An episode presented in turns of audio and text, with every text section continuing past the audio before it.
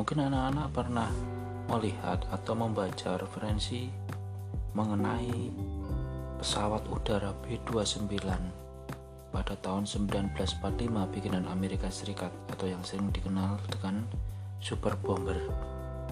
Nah, pesawat itu nantinya yang akan menandai berakhirnya Perang Dunia Kedua. Oke, kita bahas ya. Di front Eropa, Perang Dunia Kedua dimenangi oleh blok sekutu. Tentunya dengan kematian Adolf Hitler ini menyebabkan Jerman akhirnya menyerah kepada sekutu dan Uni Soviet pada 7 Mei 1945. Jerman menyatakan menyerah tanpa syarat setelah menandatangani perjanjian damai di Paris. Perjanjian itu disaksikan oleh komandan tertinggi sekutu, yaitu Jenderal Dwight Eisenhower. Pertempuran di front Eropa resmi berakhir setelah perjanjian damai ini. Kemudian sepanjang tahun 1944 sampai 1945, Amerika Serikat mulai menyerang kota-kota industri Jepang Akibatnya, kekuatan militer Jepang mulai melemah. Banyak warga sipil Jepang menderita dan kehilangan harta bendanya. Periode ini merupakan kehancuran bagi negeri matahari terbit tersebut.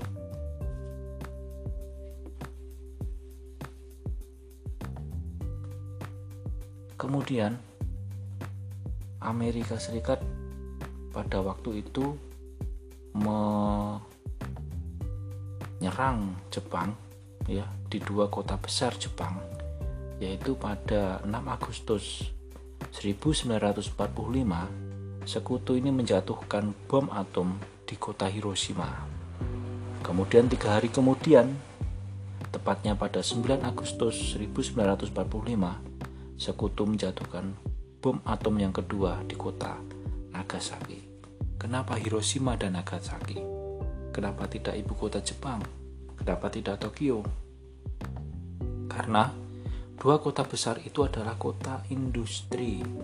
Tentunya adalah industri penghasil peralatan perang. Nah, bom atom yang dijatuhkan di Hiroshima dan Nagasaki tersebut menyebabkan Jepang menyerah tanpa syarat kepada sekutu pada 14 Agustus 1945. Namun meskipun demikian, pada 12 September 1945, Jepang baru secara resmi menyerah kepada sekutu di atas kapal USS Missouri.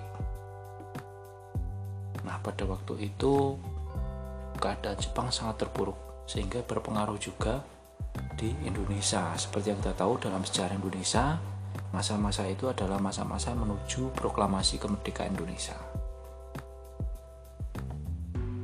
Itu nantinya nah, kemudian akan uh, menandai berakhirnya perang menyerah pada sekutu dan Uni Soviet pada 7 Mei 1945. Nah, kemudian Perjanjian-perjanjian yang mengakhiri Perang Dunia Kedua ini ada empat perjanjian besar. Yang pertama adalah Perjanjian Potsdam yang dilaksanakan pada 2 Agustus 1945. Perjanjian ini berisi penyerahan wilayah Jerman Timur kepada Uni Soviet dan Jerman Barat kepada Amerika Serikat, Inggris, dan Perancis. Adapun kota Danzig ini akhirnya diserahkan kepada Polandia. Nah, kemudian yang kedua adalah Perjanjian San Francisco yang dilaksanakan pada 8 September 1951. Perjanjian ini merupakan kelanjutan dari perjanjian antara Sekutu dan Jepang di atas kapal USS Missouri di Teluk Tokyo. Yang ketiga ada perjanjian Sekutu dan Italia yang terjadi pada bulan Februari tahun 1947. Isi perjanjian ini yaitu daerah Italia diperkecil. Daerah Triaso menjadi negara merdeka di bawah perlindungan PBB Abyssinia dan Albania mendapat status kemerdekaan.